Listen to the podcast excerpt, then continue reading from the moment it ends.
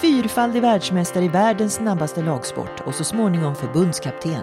Men en allvarlig olycka och begreppet hygglos har gett honom de viktigaste perspektiven. Detta är Hjärntillskott med Lydia.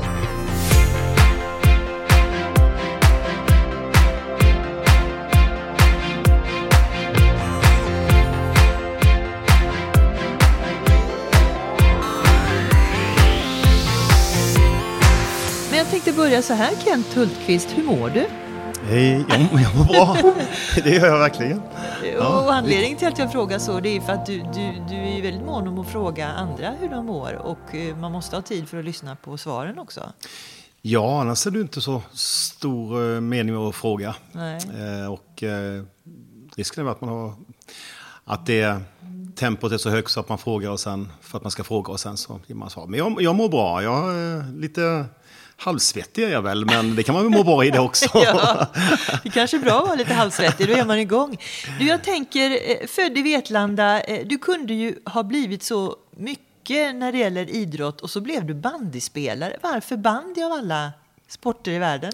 Ja, eh, det så finns det en kultur i, i Vetlanda där banden var en liksom naturlig del i, i uppväxten. Och sen att det fanns eh, bandy på vintern och, och, fotboll på sommaren. Det var ju två sporter som kamperade ihop under väldigt lång tid faktiskt. Vi hade ju toppspelare i, i fotbollen och toppspelare i, i den. Och man kunde spela i division 4 och man kunde spela där i... Så det var lite kul att de sporterna hade samma regler och det var lika stor bana, lika mycket folk på isen och på gräset. Så att, det var mycket som var likt där, så de två sporterna var ju, var ju nära varandra och då var det så naturligt att, att det blev bandy för kompisarna var bandy. Så var det någon som spelade hockey, men det var inte mina kompisar då. De, så, så då blev det bandy och eh, Vetlanda var en, en, en, sådan plats. Men du, bandy går ju så vansinnigt fort. Ja, ja det är verkligen en, en, en, fantastisk sport. En sport som är så snabb eh, och så rörlig och så, så vacker när, när den liksom utövas på det här is som är bra, solen, jag tänker utomhus nu, nu ja. vi kommer in mer och mer för vår, vår väder. Men det går snabbt och det är ett svårt spel. Och det är ett svårt spel att titta på. Det är lite sportens, eh, lagsportens schack på något vis. Att man måste verkligen kunna och ha förståelse. Man måste lära sig att, att titta på bandy. Så att det går inte bara att komma dit och säga att ja, jag såg inte bollen. Då har man, liksom inte, då har man inte förstått. Utan Nej. det gäller att, att, förstå sporten och eh, träna på att eh, titta och åskåda. Mm. Världsmästare fyra gånger, eh, tränare, förbundskapten eh, för herrlandslaget och en massa andra superfina meriter. Vad är din största prestation eh, hittills? När det gäller, ja, jag vet, det där är ju en jättestor fråga, men, mm. men, men finns det sådana här stunder när du som idrottsman eh, eh, känner att det här minnet kommer etsa sig fast för alltid?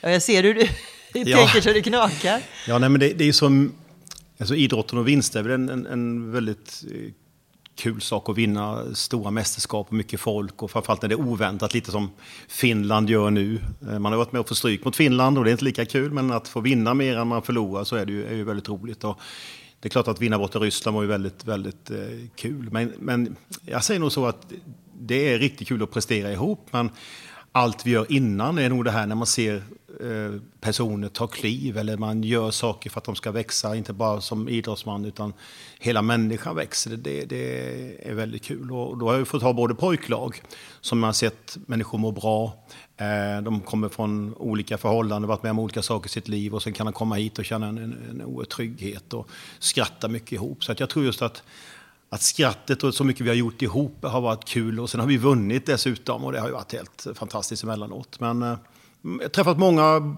fina idrottsmän, duktiga, ambitiösa, suttit och diskuterat, reflekterat. Alla de här tiderna liksom när vi har, efter matchen sitter och, och diskuterar och mår så där himla bra. Det, det är nog där det är, större än själva, det är större än vinsten? Ja, på något sätt är det ju det. det är, visst kommer man ihåg sen när man har, har vunnit ett, ett, VM och den känslan att få vinna på, på rysk mark och ingen tror det och vi har gjort någonting tillsammans, ett ledarsteam som kompletterar varandra och tagit ut liksom dem runt omkring sig och sen spelare som, som man har trott på och försöka skapa trygghet där och, och att de ska liksom bli ett, ett verkligen ett, ett, ett, lag som, som spelar men framförallt samspelar. Mm. Det, det, är, det är häftigt att få följa ett, ett lag på det viset. Jag tror det är, det är den stora behållningen av att vara ledare. Att Ja. se allt och sen få vara med också. Givetvis är det kul att vinna och man får energi av det. Det, det är ju lättare att vinna. Det får man ju. Det får man Ja. ju. Eh, Men du, eh, Ryssland, ni spelade eh, på vintern där väldigt, väldigt kallt. Jag tror Mm. du nämnde någonstans minus 52 grad, grader. Vad- Alltså, hur känns kroppen då? Är man, går det att tänka och vara Mm. snabb i den miljön? Alltså, först och främst måste man förbereda sig. Sen, vi spelade aldrig i, i 52, det var, ju, det var ju de temperaturerna när vi kom dit och vi fick liksom vänja oss vid det oerhört kyligt. Så det var ju liksom, det var ju någonstans runt mellan i alla fall, det var som kallast då, nu var det extremt ska vi säga. Någonstans upp mot 45 upp till, till 50 då, så det var det lite vind på det. Så att det, det, är ju, det är ju väldigt svårt. Men vi börjar ju tidigt då att, att börja vänja oss vid. För att vi vet ju att ryssarna kommer inte att ställa in. De ställer ju inte in några matcher när det blir så viktigt. Det är ju ingen, det är ju ingen stad som vill ställa in när de har förberett sig på så mycket. Och då ska inte kylan få sätta stopp i, i Ryssland. Så att det har man ju varit med om lite saker. Det finns ju regler för det här. Men de gäller ju inte alla gånger i Ryssland om man säger så. Utan man har väl sett någon, någon överledare blåsa på någon termometer så att temperaturen har sjunkit ganska häftigt. Nej. Jo då, så att det har ju varit så. Men, men, men det är ju det är ju väldigt speciellt. Och jag, men förberedelse, det är ju en mental grej också, hur vi förbereder oss inför en, en, en, en turnering när vi vet att kylan kan vara där. Så det är ju att veta och titta på forskningen framför allt och ta hjälp av de som varit i kyla och, och studera dem. Och sen att ta sig dit så är det ju en utmaning och det är ju det är lite häftigt också att kunna klara av vissa delar, även om det är oerhört kallt och vissa har ju frusit. Och det är klart att det börjar gå mot de gränserna, då är det farligt. Då är det ju liksom farligt för ögat och det är farligt för liksom flimmerhåret i hals, i luftstrup och så här. Då? Ja, men förbereda sig mentalt är en sak, men det fysiska då? Hur, hur- eh, stålsätter ni er ur en sån eh, ja, man får match? först och främst klä på sig, man vet ju liksom vad som leder värme då. Och det är ju vatten och då tvättar man sig inte i vatten, utan man tvättar sig i sprit då. Och sen så ser man till att ha puder, barnpuder hela tiden. Man går ut och värmer upp i en tio minuter, en kvart, så går man in igen så man tinar upp då. Och då fryser man inte på samma sätt sen. Sen är det lager på lager, det är inga konstigheter. Och sen kan man skydda sig då att man har koll på varandra. Och sen att man, man, man, man byter om hela tiden så att man inte... Ja, vattnet då är ju farligt så man kan ju inte tvätta sig innan på det viset. Sen har ju, får man ju lyssna på de som har varit i sån kyla. Och jag vet inför då när vi hade den här, vi visste att det kunde bli så här kallt just på det här, när man, tittar, man kan gå tillbaka på faktan och se hur, hur ser temperaturen ut under en period tio år bakåt så, så är ju risken eller, ja, att det blir så här kallt och då kan man ju titta på andra som har varit där och hur, eller på andra ställen och vad de har gjort och på vilket sätt. Och, så, så är det väl, det är väl det är väl så man har gjort och sen har vi börjat tala om det tidigt eh, på samlingen då när man hade på sommaren så vet jag att vi samlades i ett kylrum. Eh, Så, så man började där bara för att vänja tanken så här kallt. Här inne i det här kylrummet, det, det var en stor frys. Eh, Som företag hade så var vi där och, och, och tittade. Liksom, och Och det- frysar är ju inte ens så kalla va? Nej, man kommer inte upp i den temperaturen där. Så att, det- men det var ju så det kan bli, som man känner, känner av det. Och sen började vi ju tala om det. Och sen, så tittade jag, liksom, spelaren ska, behöva- ska inte behöva tänka på det. Ska, de, det är bara en miljö som ska kunna prestera i på något vis. Och då måste vi som ledare runt omkring göra så mycket klart som möjligt. Och framförallt också hålla, hålla de bitarna och regler som, som gäller. Och, men det är inte lätt i Ryssland, det, det vill jag säga. Men, och sen så forskningen då, och titt, då var det väl Olympiatoppen i Norge som hade forskat, om jag inte missminner mig, som hade forskat om kyla då. Och vad som är viktigt och inte minst då vad man har för klä, kläder på sig. Och det har ju utvecklats väldigt mycket. Eh, Det är väl problem för målvakterna som står stilla och vi ledare som står ute då. Men eh, det delar ju upp sig här när vi spelade den här extrema matchen då som, som var väldigt kall. Då delades det upp i mindre och mindre perioder då. Så man fick gå in och, och värma sig då. Men bollarna frös ju sönder och men ändå var ju publiken där. Så det var det, kan, kan, de vara där så borde vi ju kunna vara där som rör på oss. Va? ja. Så att, eh, men de hade ju en erfarenhet. Jag, jag såg väldigt mycket bitar där som man kan tänka att eh, som man fick perspektiv på också i den där kylan. Jag såg de som tvättade vittvätten i isen där och med, med bara hade kortarmat. De har ju, vänjer ju kropp, kroppen men det måste ju slita oerhört hårt. Va? Så att, Och de börjar lite tidigare också vänja sig. Ja, det gör de ju. Och så, att, så här var ju ett sätt liksom att, att förbereda sig mentalt på hur det skulle vara så att man sätter sig in. För kroppen kan ju inte liksom, hjärnan vet ju inte vad som har hänt och inte hänt, så liksom börja där. Och sen då klara av det, men det är klart vi har frusit mycket och det, ja, jag eh, undviker kyla idag så mycket jag kan faktiskt. Det, jag, jag Menar du att det påverkade dig så mycket? Ja, det gör det. Jag, jag åker liksom Och det, familjen tycker inte men att åka på vintersemester, jag vet inte om det är den kylan så... så, så. Du vägrar? Ja, det gör jag ju inte så, men det, det är väldigt länge sedan och jag, jag var på det. För det, det är liksom att vara kall och sen vara, vara liksom svett när man gör någonting och så frysa sådär. Så att, själv när jag spelade så bytte jag alltid kläder. För jag liksom bytte alltid uppvärmningen, bytte kläder. Eh, ut och, och, trots när vi går ut första halvlek hade jag alltid, de hade, våra material hade fixat, visste att jag bytte så jag, jag gillade inte det där. Va? Jag svettades väldigt mycket också, jag hade tappat en 3-4 liter där. Så att, då hade de alltid, jag hade alltid med mig extra tröjor, så jag fick nya landslagströjor på mig när vi var där och klubblag. Så jag hade alltid dubbla uppsättningar med allting. Mm. Så att, det, liksom den är för att man har varit där själv och spelat så kunde man väl dela med sig. Men framförallt förberedelserna tidigt och börja prata om det. Och vi visste ju inte, utan det är bara om det blir så har vi en förberedelse så att det inte blir någon överraskning för oss. Mm. Ungefär som livet. Eh, exakt. Exakt. Jag tänker, eh, nu blandar vi kanske lite grann här, för du har ju både varit eh, spelare, tränare, mm. förbundskapten eh, eh, och nu eh, coachar du ledare. Men jag tänker under den här tiden när du spelade så mm. var det väldigt viktigt för dig att ha barn och pojklag. Ja. Varför är det viktigt att eh, samtidigt hålla, med, hålla på med det? Du hade väl ändå fullt upp, tänker jag, som mm. spelare och förbundskapten så småningom? Jo, så var det ju. Eh, det så tyckte jag alltid jag tyckte det var kul med barn. Jag, har liksom berättat mycket. Alltid tyckt om kul att berätta sagor och, och se deras fantasi kliva iväg. Och det blev också sån bit att sen hade man egna barn som också höll på så kunde man ta hand om fler helt enkelt. Så att under min tid där spelade så var jag med på skridskoskolan och eh, kul på is och sådär. Och, och lät fantasin och kreativiteten. Det var väl att jag tyckte det var kul själv, mm. antagligen. Så se dem, ja, att de åkte skridskor och lärde sig och vi lärde dem att leka fram idrotten på det sättet. Mm. Och sen var det väl också ett bra perspektiv på det man höll på med i och med att jag fortsatte. Sen kunde jag inte ha dem på vintern då när jag blev förbundskapten för då hade jag dem i, i fotboll. Så det var en sommaridrott så jag kunde vara med då.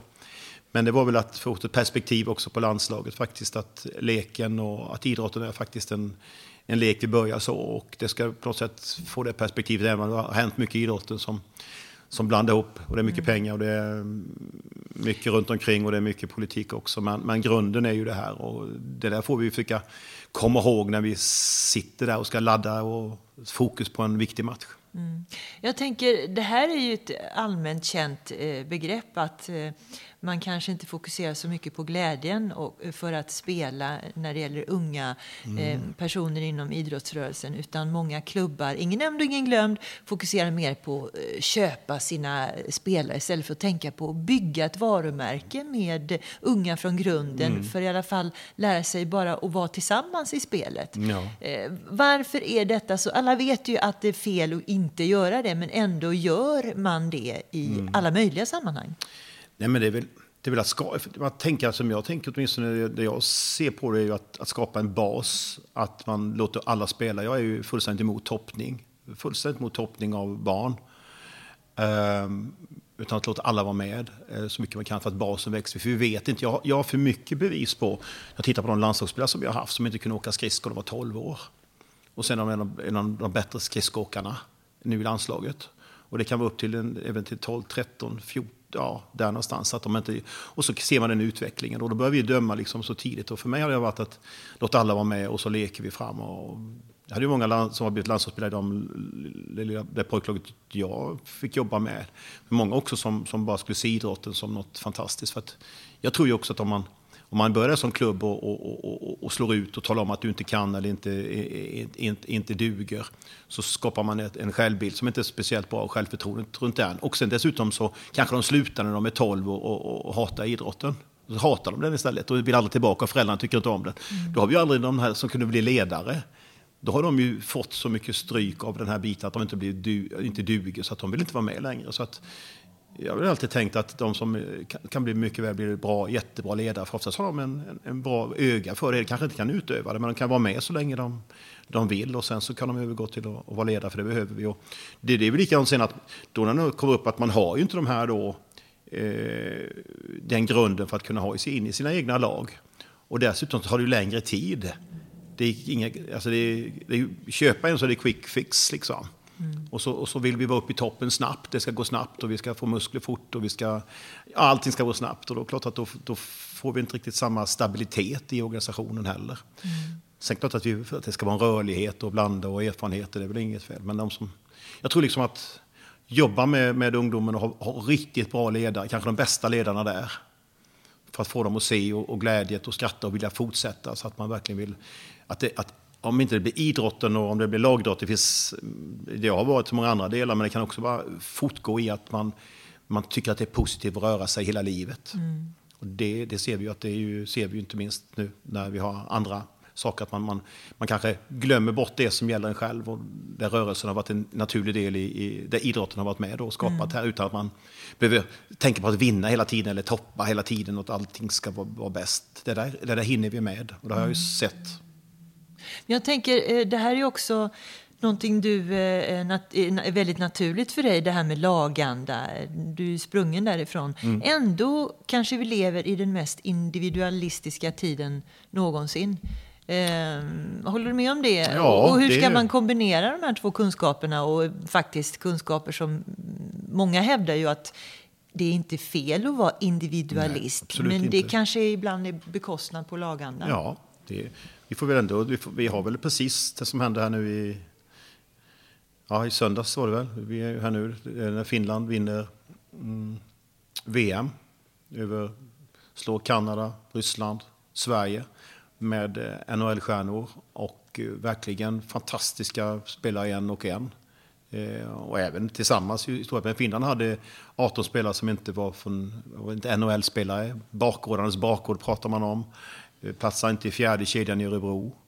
Uh, inget emot Örebro, men jag vet att så var det ju. Lagkaptenen där, som var över två meter och eh, 105 kilo. Och sen så blir han, personifieras han någonting som Paavo Nurmi och bara Mieto börjar de jämföra honom med. Liksom, så stort bör det bli då i Finland. Men, och det är väl jätteduktigt tillsammans, men de hade ju någon, en, en känslan i laget som gjorde att de vann. Mm. Det tror jag liksom att vi kommer ha individualister och vi har specialister inom näringslivet som är specialister. Men om inte vi kan få ihop det, om nu vi ska liksom det här gå ut på ett kollektivt spel och inte kan förstå vad det är för, för krafter som gör att vi ska uh, ha en kraft i det kollektiva, i teamet Eh, accepterar vi inte det så kommer vi inte vinna de stora matcherna. Det går att vinna, tror jag, en del. Och det går, men, men skapa en kultur där, vi, där laget går före. Liksom. Laget går före alltså, hela mm. tiden. Mm. Och den, eh, för mig är det så, så, så, tydligt och enkelheten och jordnärheten i hur man fungerar och de tjänster sinsemellan att det blir liksom ett, ett eh, kollektivt fungerande där man kan förstå varandras tankar och veta vad man förväntar sig av varandra och dela på det vi har i ett lag att dela på. Mm. Jag tycker det kommer ju väldigt naturligt i idrottssammanhang och i ja. olika lagsporter. Och så ska man applicera det här när man ska ut i verkliga livet. Mm. Som vuxen, företagsledare eller mm. vad man nu har för befattning. Och det är inte så himla lätt alltid. Nej, det är det ju inte. Och därför, när man går in som ledare, så är det klart att man måste tro på någonting. Och tro på en filosofi och, och sen får man också kolla av då, så att den filosofin, att det finns fler som kan vara med och dela den. Men jag tror att det är en, det är en metod.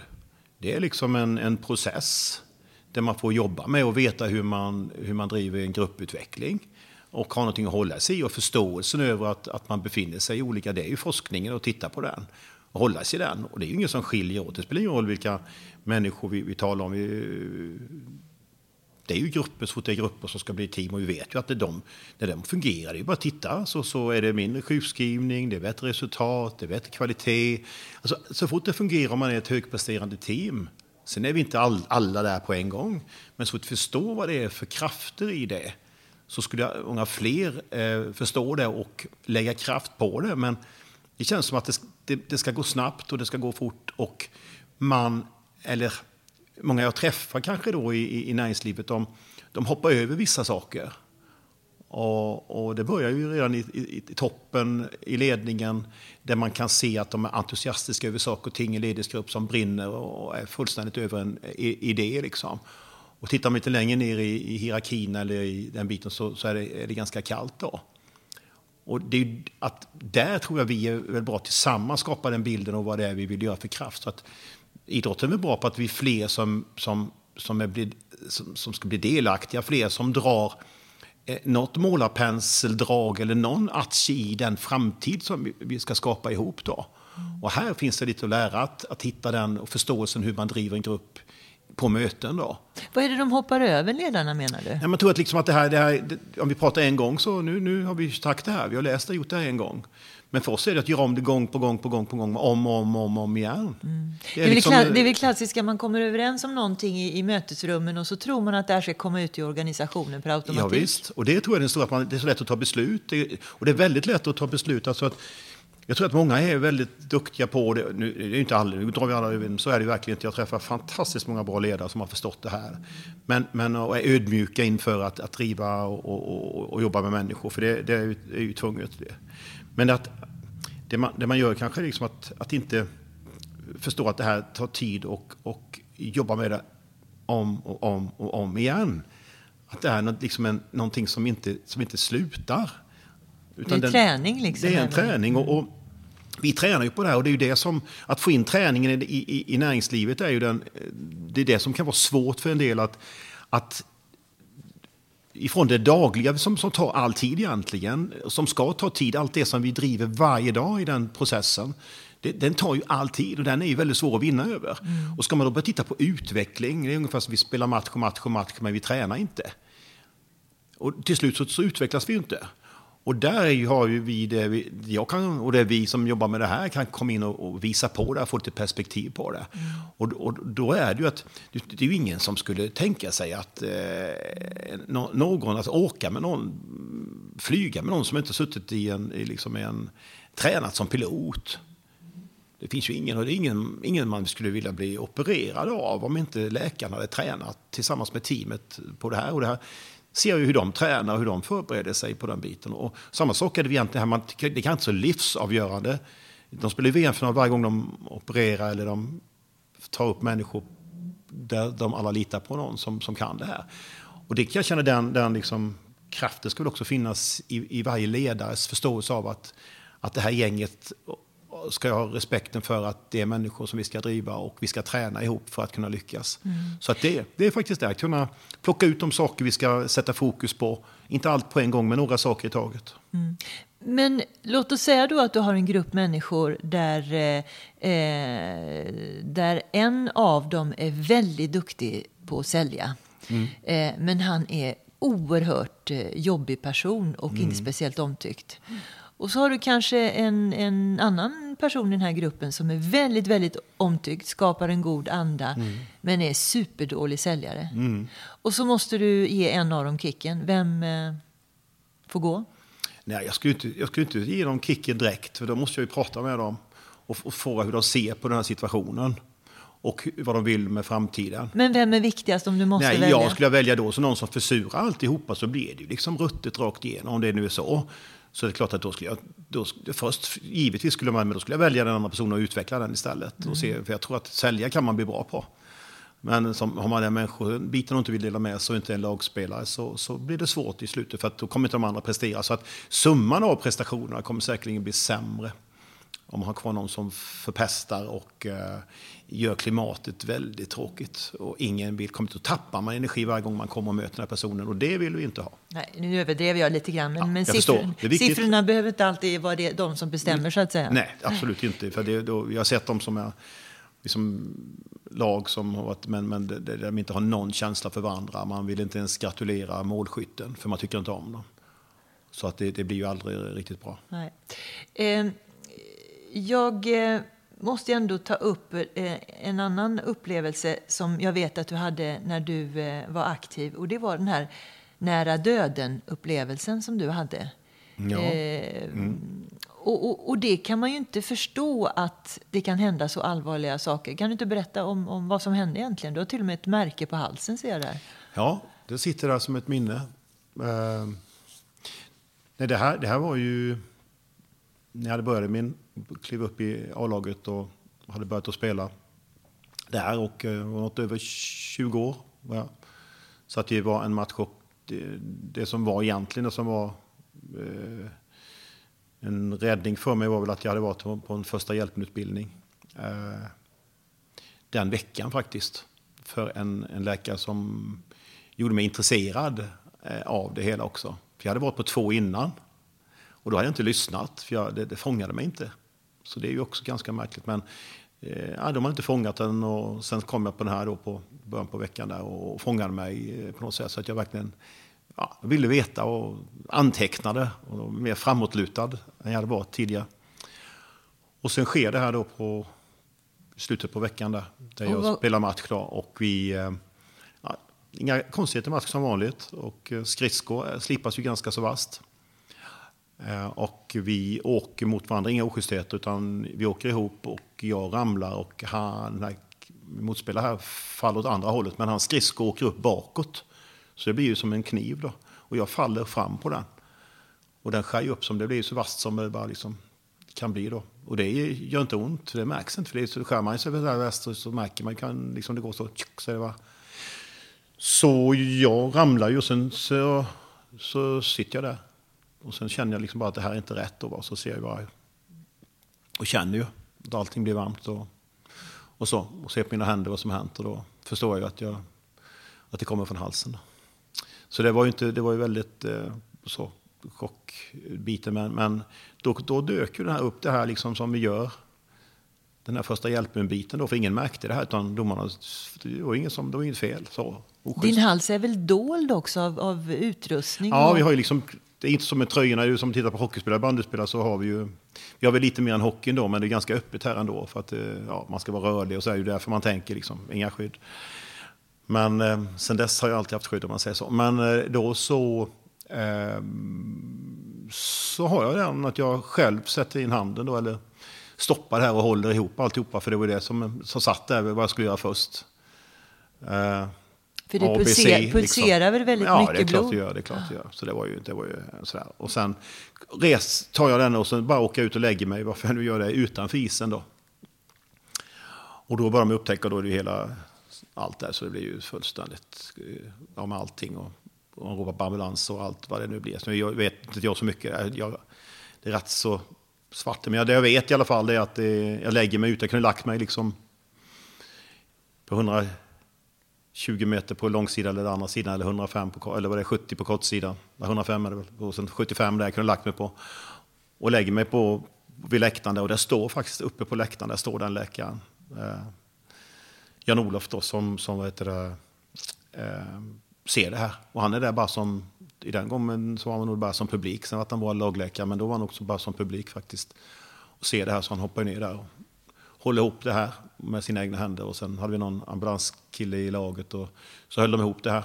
Och sen så kom ambulans och sådär. Och eh, ja, höll ihop det här. Jag bara kommer ihåg så väl att han sa testa bara lite och släppa lite. Men det, nej, håll i så jag släpp aldrig. Det kommer jag ihåg. Och sen kom man dit då. Och sen vet, sa de, jag kommer ihåg att de ska se, vi ska göra vad vi kan. Så det blev rätt mycket du, hör, du hörde detta alltså? Mm. De. Så då var jag vaken så. Så att det, sen så skulle de då operera det här och alltihopa. Så att, men eh, så att, ja, då fick man ju, då fick man ju ett perspektiv där liksom och då, allt som man hade funderat på så var det ju andra saker som, som kom fram och idrotten blev ju ganska liten då.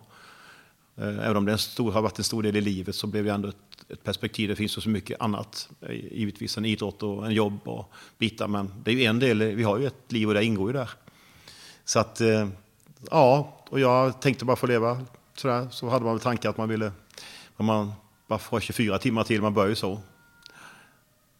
Så att, eh, men det, de löste ju det här fantastiskt och jag fick vara rätt stilla och jag var ju rädd liksom rätt länge där. Och så jag tappade känslan också. Kom tillbaka igen efter tio år, söker det upp sig. Men att våga röra sig igen och man tänkte att det kunde gå sönder och så, här, så att det började väldigt lugnt mm. under lång tid. Där. Och sen faktiskt den här läkaren då som jag också lärde känna. Så han var med mig under hela den biten när jag skulle komma tillbaka igen. Så jag, jag, jag hade den här känslan att det kan ju gå sönder där inne då. Det, var, det gjorde det ju inte, men, och det sa ju läkaren också, men det var bara den här känslan, att, rädslan av att, eh, att det kunde hända någonting. Men han var, sa att det, det kunde inte. Men han var med mig och tränade de första, vet jag, när jag drog igång och jag började få puls igen och vågade komma upp. Så, att, så blev det. Så att, sen så blev det att man skyddade sig sen. Så att jag, då började de också, efter det så började de ta fram halsskydd. Då. Det hade ju räckt att jag haft en polotröja eller någonting. Men, så jag kan ju inte se idag någon, jag ser barn på isar, hockeyspelarna har ju väldigt lite här och det, man ser skridskorna. Och jag, så jag, så jag ser alla ser föräldrar som inte har något skydd, bara en liten, liten, liten polo med någon liten, liten, liten, så skulle jag rädda det hela så det inte skulle bli så här. Räcker det? Hade det räckt med vanlig Ja, jag tror det. För dragkedjan sitter ju ofta så. Mm. Så hade nog det räckt tror jag. men sen tog de ju fram och började ta och sen var det ju regler för halsskydd och sådär. Men sen blir det ju så kommer vardagen då och så kör de och så vet alla det och, sen, och så tycker de att det är, ja, det är jobbigt att ha det då. Va? Och jag, jag började med att ha skydd för hela ansiktet då, för jag var ju en rädsla att skridskon skulle åka upp då. Va? Men det var ju rätt många som tyckte att man såg, jag kommer ihåg det, att de tyckte att vad är, vad är det där? De hade inte min bakgrund och tyckte liksom det där och nästan, det fanns ju de som hånar lite grann att man är rädd för att ge sig in i saker och ting och att man ska skydda sig och tyckte det var lite, eh, ja, inte speciellt... Eh, Modigt? Nej. nej. Jag tyckte väl att kanske att det var modigt att börja igen då. Så att det, det, fick man väl leva med. Men det kom fram i alla fall skydd av det där och de började tänka på det. Och jag tror att det också fortfarande mm. att det finns regler för det. Så att det var en sån där som givetvis skapade perspektiv och det är väl där man känner mer att man inte ska behöva att man kan liksom hitta saker och ting i, i livet som man inte ska behöva skära av sig halsen eh, för att få perspektiv. Och det är där jag tror liksom att, eh, att alla människor kan hitta den och ta en liten paus och fundera lite grann. Så det är väl att ge lite perspektiv till saker och ting. Det är bara att hoppa upp på däck ibland så inte alla sitter och tittar i sin lilla, i sitt lilla fönster utan på båten upp på däck så vi ser samma saker och kunna prata med varandra. Mm. Och, och eh vi måste ju eh, avrunda det här samtalet med kanske det roligaste man kan prata om. Det är tillbaks till barn. Ja, ändå. ja det är din, fantastiskt. Och dina barnböcker. Ja, eh, du har skrivit ja. två böcker om hygglos. Ja, Nej, men exakt. Ja, det varit så otroligt kul. Och det är som idrotten och det finns inga genvägar. Man skriver böcker, böcker. Man kan inte hoppa över fyra sidor utan det är om och om, och om igen på det. Tillsammans med min hustru Åsa här och sen Johan Land som har tecknat allt så har vi liksom gjort den här. Och ja, och fick skapa, för det är inte så mycket bokförlag som vill göra, utan man får göra allting, bestämma oss för nu ska vi göra det här. Så att vi har gjort allt egentligen. Och var kommer begreppet hygglos Ja, hygglos är underbart och det är från det här lilla pojklaget jag hade. En kille som hette Roger eller Roggan. Så att jag, jag frågade dem hur de tyckte, vi hittade någon värdegrund när vi träffades som sju, åttaåringar där. Jag sa inte att det hette värdegrund, men vi skulle, hur vi skulle vara mot varandra då. Och då så, så fick jag den, eh, räckte han upp handen och sa att jag tycker vi ska vara hygglos, sa han. Jag tyckte det var ett sånt fint ord. Och hygglos, liksom, vad är det? Att vi ska vara hyggliga mot varandra. Och vi ska pusha varandra. Och skjuta utanför så ska vi säga att det gör ingenting, sa han. Och skjuter vi stolpen så kom igen. Så att jag träffar fortfarande dem och då är de hygglos. Va? Så att hygglos är ett uttryck att vi kan vara hur olika som helst. De här handlar ju om en mops och en spets. Mopsen tycker om att äta och ta det lugnt och sådär. Och, och spetsen är ju på gång hela tiden. Men att vara så olika så kan man ändå vara hygglos. Så att det går ut, hela boken går ut på det faktiskt, att kunna vara det. Så att få lite perspektiv när man läser den här som barn och vuxen. Så har det varit tanke i alla fall och det har varit otroligt kul att få se alla barns reaktioner och alla som har jobbat med det i skolan nu. Mm. Men det intressanta är att det går ju att applicera lika mycket på vuxenvärlden. exakt. Att vara hygglig ja, och så. Kul att du, ja men så är det va. Och det tror jag, läser man det här så. Jag har ett kapitel där som heter Dagsländan som jag själv gillar väldigt mycket. Så att, liksom, att de, de träffar en dagsländare och så, så, så frågar de hur länge lever du? En dag liksom. Och, och då får man ju liksom fundera liksom vad man vill göra eh, med den då. Och kan vi kanske fundera, inte gå och tänka på det, liksom att det att liksom döden finns där borta, det, det, det, gör den ju för alla, men att kunna ändå uppskatta den dagen och fundera lite perspektiv vad vi gör för, för saker mot varandra så, så kan man nog komma lite längre och det blir framförallt roligare. Och här är två hundar som, som är verkligen eh, hygglos. Och, som du säger, det, det, jag har tänkt att, jag tänkt att de vuxna ska kunna läsa den och få perspektiv från sitt sätt. Och barnen ska kunna läsa den här Hundkusinen, första boken och andra boken och få, få sina tankar runt det hela. Jag tycker du också är en hygglos. tack detsamma. tack för att du ville vara med. Mm, tack.